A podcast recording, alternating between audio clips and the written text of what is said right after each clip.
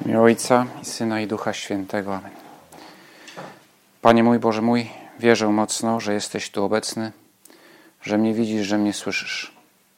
Uwielbiam Cię z najgłębszą czcią.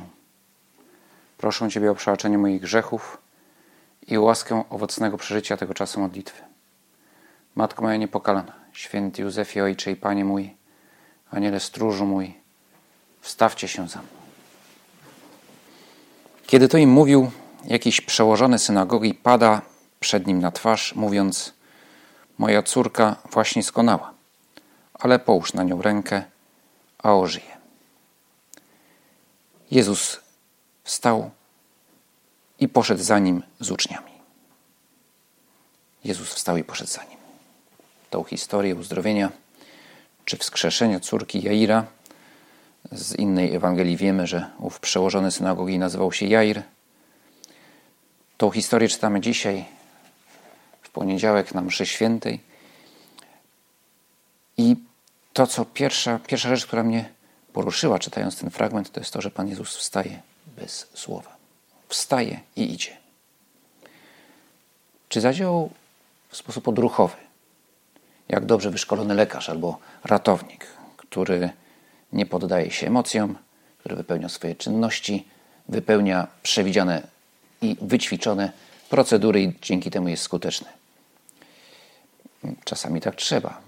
Ja mam nadzieję, kiedy trafiam, nie wiem, do dentysty albo nie daj Boże, jeśli bym trafił do lekarza czy do chirurga na stół z jakiegoś wypadku, to bym chciał, żeby działał bez emocji, ten ratujący mnie i profesjonalnie, spokojnie, wypełniając właśnie to, co zgodnie ze sztuką, której się nauczył.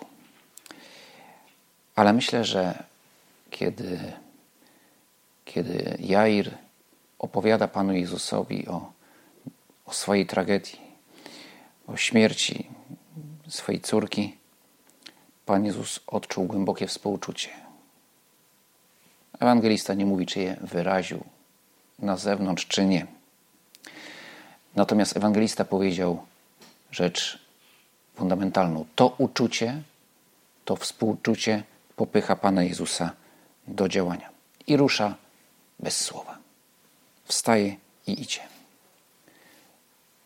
Bo po to są uczucia, żeby poruszać nas do dobrego działania, albo też powstrzymywać przed złym działaniem.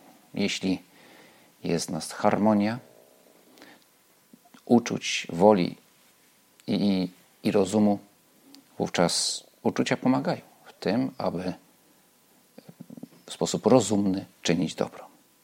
Wczoraj wielu z tutaj obecnych oglądało film pod tytułem Arktyka. Historia jest taka, że islandzki pilot walczy o przetrwanie na, to chyba jest Grenlandia, ale gdzieś tam na północy Grenlandii po katastrofie swojego samolotu. Drugi pilot zginął, a on walczy o przetrwanie. I w pewnym momencie pojawia się rzeczywiście helikopter wysłany na, na ratunek, tylko że ten helikopter ulega rozbiciu i ze szczątków tego helikoptera Islandczyk ratuje nawigatora, właściwie nawigatorkę, ciężko ranną Japonkę.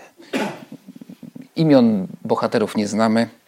Zresztą nie jest to potrzebne, bo oni za dużo ze sobą nie rozmawiają, bo zasadniczo poza nim dwojga, a ona jest ciężko ranna, e, to tam nie ma nikogo. Jeszcze miś się pojawia, ale miś też za dużo nie mówi.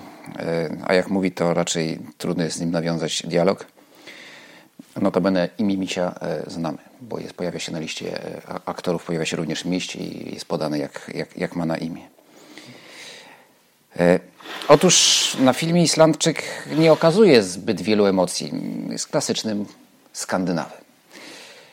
Raz czy dwa razy popłynie mu łza, dwa razy przeklnie i to też niezbyt mocno. No, gdyby tam na jego miejscu był Polak, to myślę, że film byłby dużo bardziej, miałby dużo więcej monologów niż, niż, niż, niż w przypadku Islandczyka. Raz krzyknął, bo się trochę zdenerwował na misia, ale działa z ogromną determinacją. Aby ocalić, w pewnym momencie widać, że nie, nie o, o, swoje życie już walczy. Że gdyby walczył tylko o swoje życie, to pewnie by się poddał. Ale walczy o życiowej Japonki. I co ciekawe, jedną, no, oprócz tej oczywistej motywacji, no, że jest drugim człowiekiem, że on jej potrzebuje jej obecności, ale też w helikopterze znalazł zdjęcie mm, rodziny, męża i dziecka owej, owej Japonki. I, mm, I widać, że to też jest dla niego właśnie motywacja, żeby, żeby uratować ją, żeby oddać ją tym, których, którzy ją kochają i których ona kocha. Więc emocje no, nie muszą być okazywane w sposób gwałtowny, ale jeśli są uporządkowane, bardzo nam pomagają w tym, abyśmy działali w sposób dobry, e, czynili dobro. Panie Jezu, proszę Cię, abym i ja, kiedy spotykam cierpienie czy inne potrzeby drugiego człowieka, abym poruszony szlachetnym uczuciem, e, które jest połączone z, z, z zrozumieniem, z dobrym rozumieniem sytuacji, abym umiał działać zdecydowanie, skutecznie. Kontrolując emocje, to nie jest, że gasząc emocje, ale kontrolując, aby mi pomagały. I widzimy Ciebie jak, jak właśnie poruszony. E, współczuciem ruszasz na pomoc temu zrozpaczonemu ojcu. I jesteś dla nas wzorem, bo, bo będąc Bogiem, stałeś się człowiekiem, prawdziwym człowiekiem, doskonałym człowiekiem. Nie ma w tobie tego bałaganu, który jest w nas. Wszystko uczucia, wola, rozum, wszystko jest spójne, harmonijne. I właśnie dajesz nam wzór człowieczeństwa, tego jak, jak, jak my możemy co najmniej starać się działać, postępować, jak kształtować naszą wolę, nasz charakter, nasze uczucia czy nasz rozum. Pan Jezus idzie na pomoc. I oto, gdy idzie, pojawia się kobieta. Kobieta chora na, na krwotok. A oto kobieta, która 12 lat cierpiała na krwotok, podszedłszy z tyłu, dotknęła się kraju jego okrycia. Mówiła bowiem sobie: Jeśli tylko dotknę jego okrycia, będę uzdrowiona. W innym tłumaczeniu jest to mowa, że to są frędzle u płaszcza, bo rzeczywiście było zwyczajem y, żydowskim, że płaszcze miały frędzle i te frędzle, już tam nie pamiętam, ale no one miały, miały znaczenie symboliczne. Y, były związane z podkreśleniem wierności, wierności prawu Bożemu. Więc ona chce się ten frędzel uchwycić. A Jezus odwrócił się i spojrzawszy na nią powiedział: Ufaj, córko, twoja wiara cię uzdrowiła. I od tej chwili kobieta była zdrowa. Krwotok, choroba bardzo krępująca, już nie wchodząc w szczegóły medyczne, o co nam chodziło z tym krwotokiem, ale, ale było to bardzo nie tylko uciążliwe i bolesne, ale też krępujące. Według prawa mojżeszowego e, kobieta cierpiąca na taką dolegliwość mm, miała, podlegała tak zwanej nieczystości legalnej. Już też nie będziemy wchodzić w szczegóły, o co, chodziło, o co chodziło z tą nieczystością legalną, ale, ale generalnie efekt był taki, że miała bardzo utrudnione życie w społeczeństwie, kontakty, nawiązywanie kontaktu z innymi, z innymi ludźmi.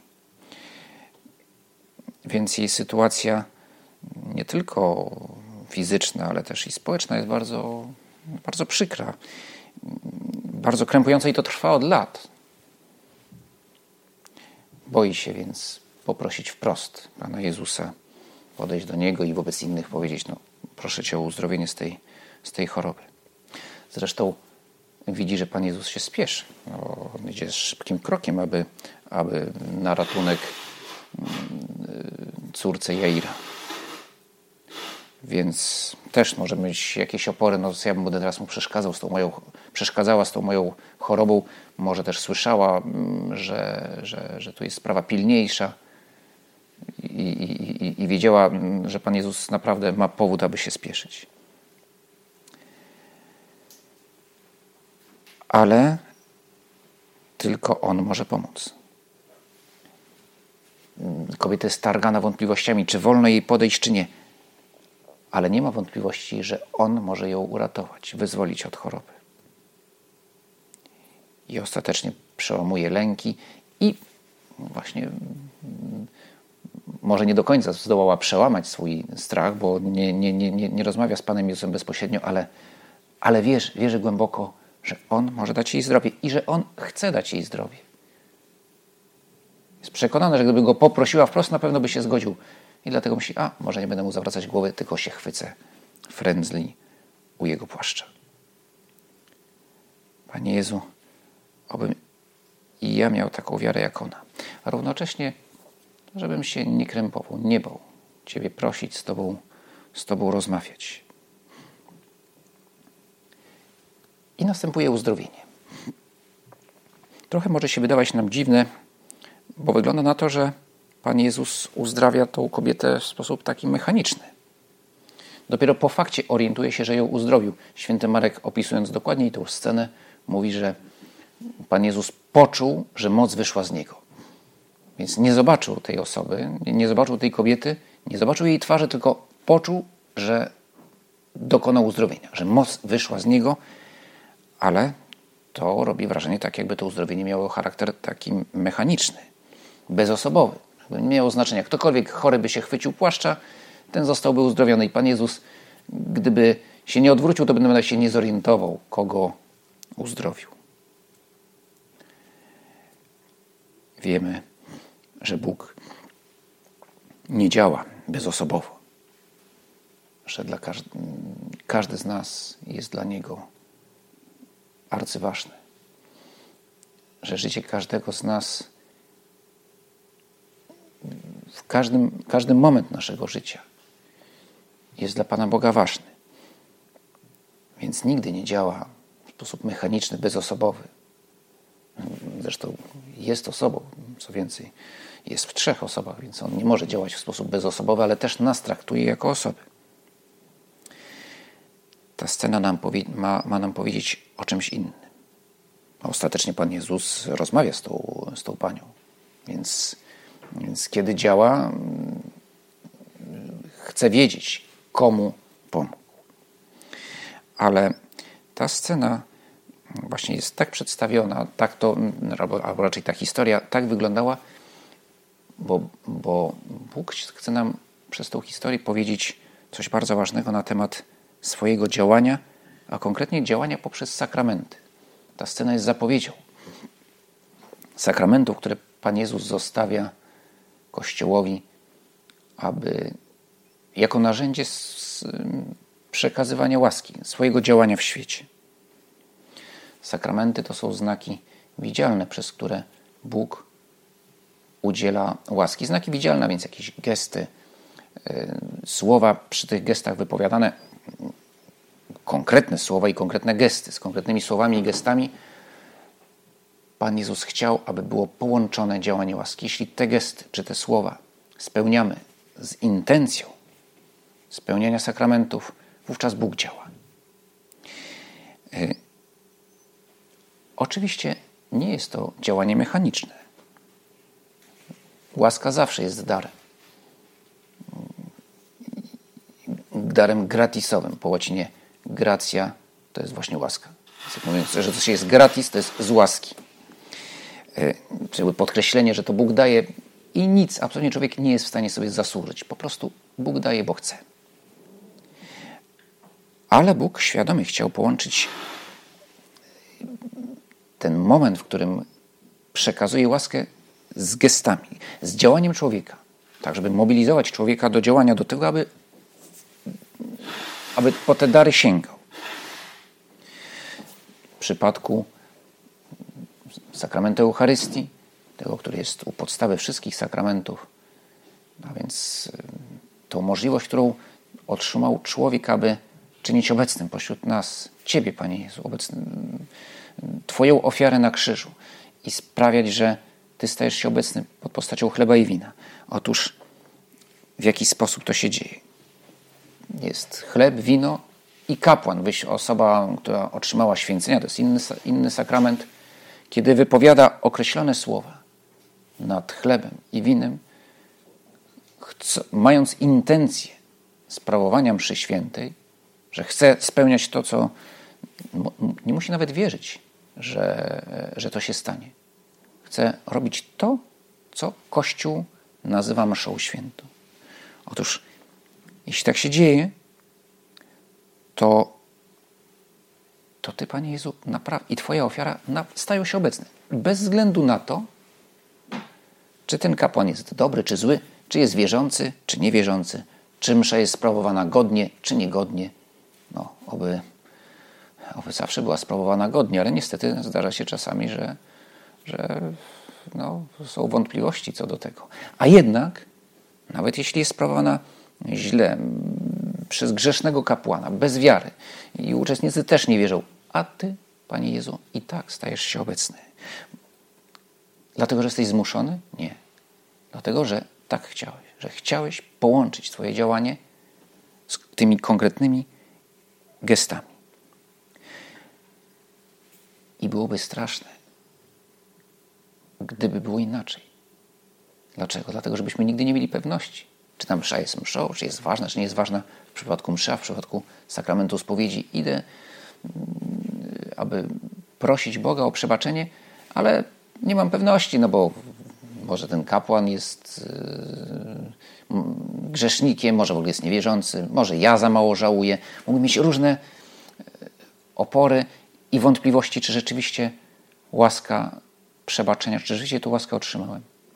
A tymczasem Ty, Panie Jezu, chciałeś, mówisz jasno, gdy spełniona jest ten gest, spełnione są warunki w przypadku sakramentu spowiedzi. Oczywiście warunkiem jest to, że ktoś żałuje za grzechy, ale ten żal może być naprawdę pod, bardzo podstawowy.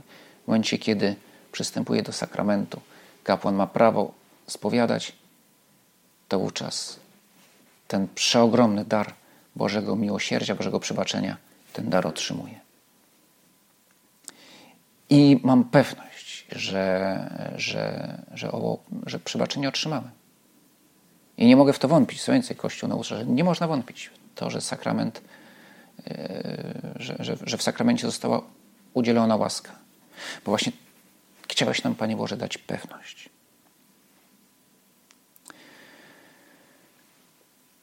Stałeś się człowiekiem. Abyśmy mogli, dotykając Ciebie, człowieka, dotykać samego Boga, którym jesteś. Taki jest sens wcielenia. I taki jest sens sakramentów. Kobieta dotknęła i została uzdrowiona. W tej scenie też widzimy, jak w, w jaki sposób jesteś człowiekiem i człowiekiem z wielkim sercem. Mówisz do niej ciepło, serdecznie. Ufaj, córko, Twoja wiara Cię uzdrowiła. Może któryś e, z apostołów fuknął. O, my się tu spieszymy, a ta tutaj przychodzi, zawraca głowę. Może powiedział: Masz babo placek. Jeszcze ta, masz babo babę. Nie wiem, czy takie powiedzenia były wśród Izraelitów, przypuszczam, że tak, albo nawet mocniejsze. I masz tu babę. A Pan Jezus mówi: Ufaj, córko. Nie szkodzi, zdążymy. Zresztą Pan Jezus już wie, że córka Jaira nie żyje. W tym opowiadaniu jest mowa o tym, że, że Jair mówi, że córka umarła, ale w bardziej szczegółowej relacji świętego Marka jest mowa o tym, że jest ciężko chora. I w trakcie, kiedy, kiedy Jair idzie do, do Pana Jezusa, umiera. I Pan Jezus o tym wie, że ona, że, że ona umarła. Choć yy, mówi o śnie, ale ten sen jest, jest, jest, jest tym, co no, metaforą śmierci. Ufaj, córko. I kiedy po uzdrowieniu kobiety idzie dalej. Idzie dalej, aby pomóc ojcu, aby, aby uratować jego, jego córkę, wskrzesić jego córkę. Kiedy Jezus przyszedł do domu przełożonego i zobaczył fetnistów i tłum zawodzący z żalu, mówił: Idźcie sobie, bo dziewczynka nie umarła, ale śpi. I wyśmiewali się z niego. Kiedy usunięto tłum, wszedł do wnętrza, ujął ją za rękę, a dziewczynka wstała. a wieść o tym rozeszła się po całej tamtejszej ziemi.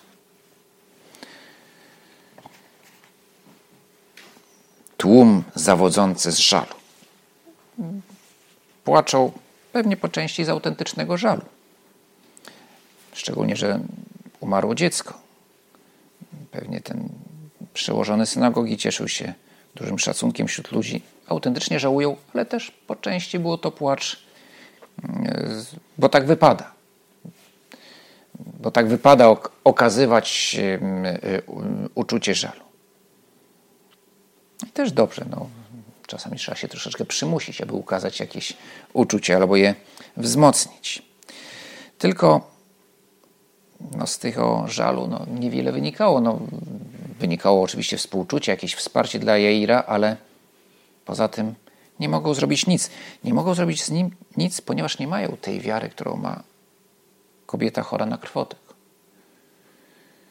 Kiedy widzą nadchodzącego Pana Jezusa, już nie wierzą, że może cokolwiek pomóc, no bo uzdrowić może tak, ale przecież ta dziewczynka już nie żyje. A wskrzeszać zmarłych może tylko Bóg. No właśnie, tylko Bóg.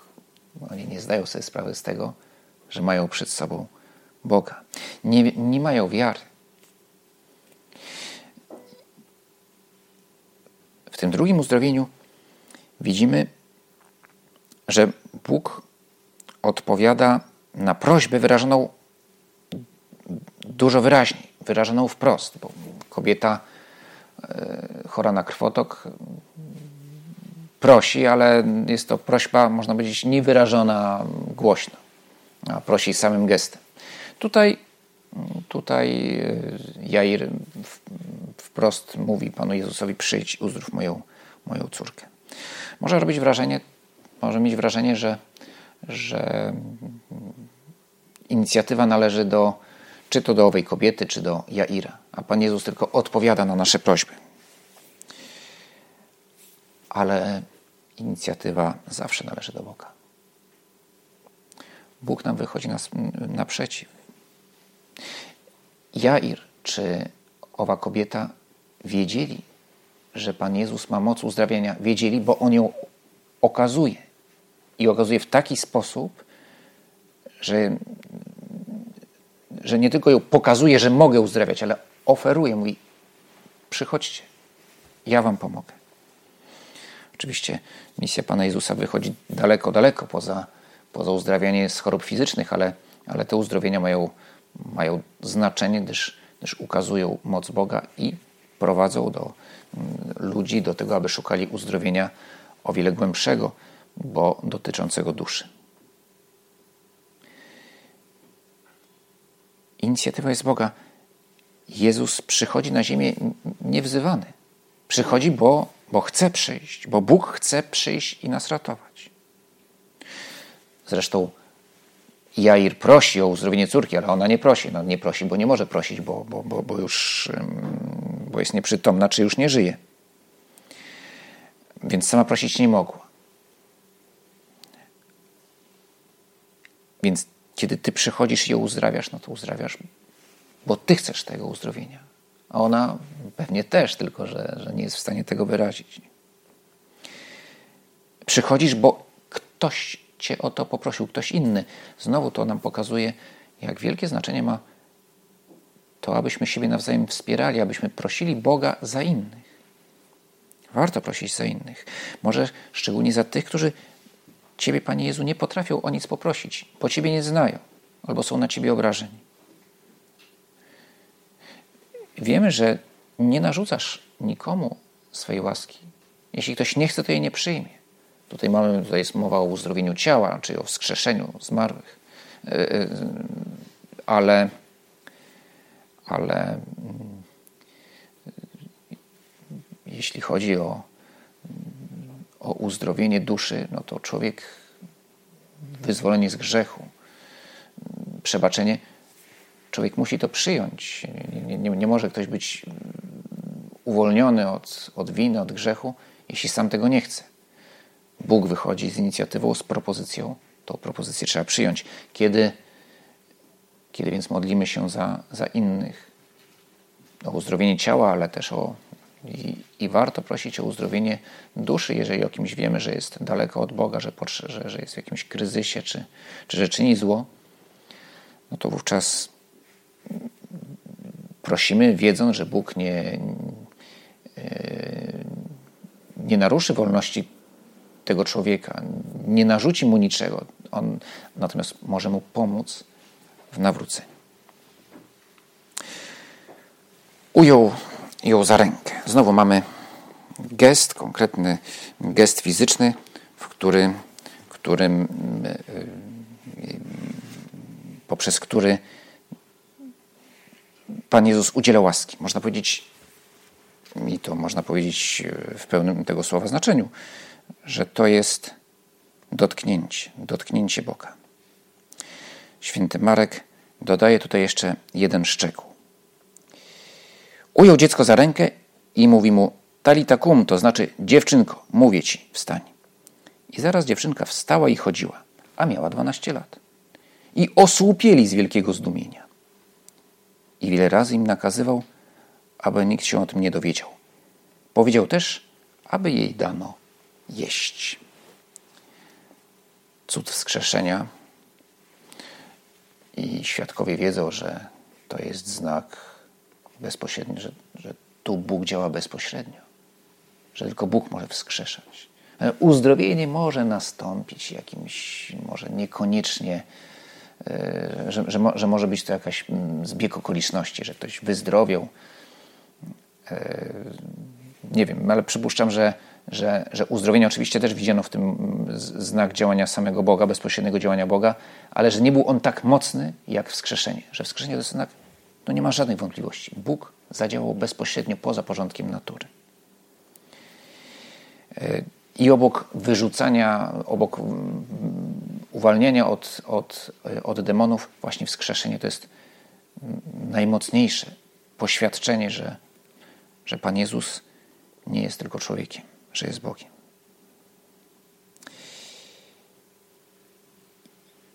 I kiedy zmartwychwstaniesz, świadkowie tamtego zdarzenia zrozumieją, że to jest nie tylko boska moc, że po prostu Ty jesteś Bogiem, ale równocześnie jesteś człowiekiem i jesteś wśród ludzi. I te proste słowa polecił, aby dano jej jeść. Wszyscy stoją i są osłupiali no bo stało się coś zupełnie niewiarygodnego. Dziewczynka wróciła do życia. Bóg, Jahwe, tu jest teraz obecny pośród nas, chociaż jeszcze nie wierzą, że, tym, że, że Pan Jezus jest, jest Bogiem, ale, ale wiedzą, że przez Niego Bóg zadziałał bezpośrednio. Więc stoją zdumieni, osłupieli i nikt nie pomyśli, że dziewczynka no, też jest trochę, może nie tyle osłupiała, co, co no, zdezorientowana co najmniej. Tak? Przed chwilą była w krainie śmierci, w Szeolu, teraz jest znowu wśród żywych. E, no, emocje, choroba jest wyczerpana. Pan Jezus zwraca uwagę na ten szczegół. Wskrzesił ją z martwych, a potem mówi: dajcie jej jeść. I w, tym, w tej dbałości o, ten, o, o szczegóły, o, o nakarmienie dziewczynki Widać, jak bardzo jesteś nam bliski, jak nas rozumiesz, jak jesteś prawdziwie człowiekiem. Rozbrajasz ich tym, tym, tym poleceniem. Dajcie jej jeść. Oni myślą, o, Jachwę, tu jest Jachwę, tak, tu jest Jachwę, tu jest Bóg. Ale tu jest też człowiek. Bo Bóg stał się człowiekiem, ma być blisko nas. I znowu, aby uczyć nas, co to znaczy być człowiekiem. A być człowiekiem to, to też zwracać uwagę na, na te małe szczegóły, w których wyraża się miłość.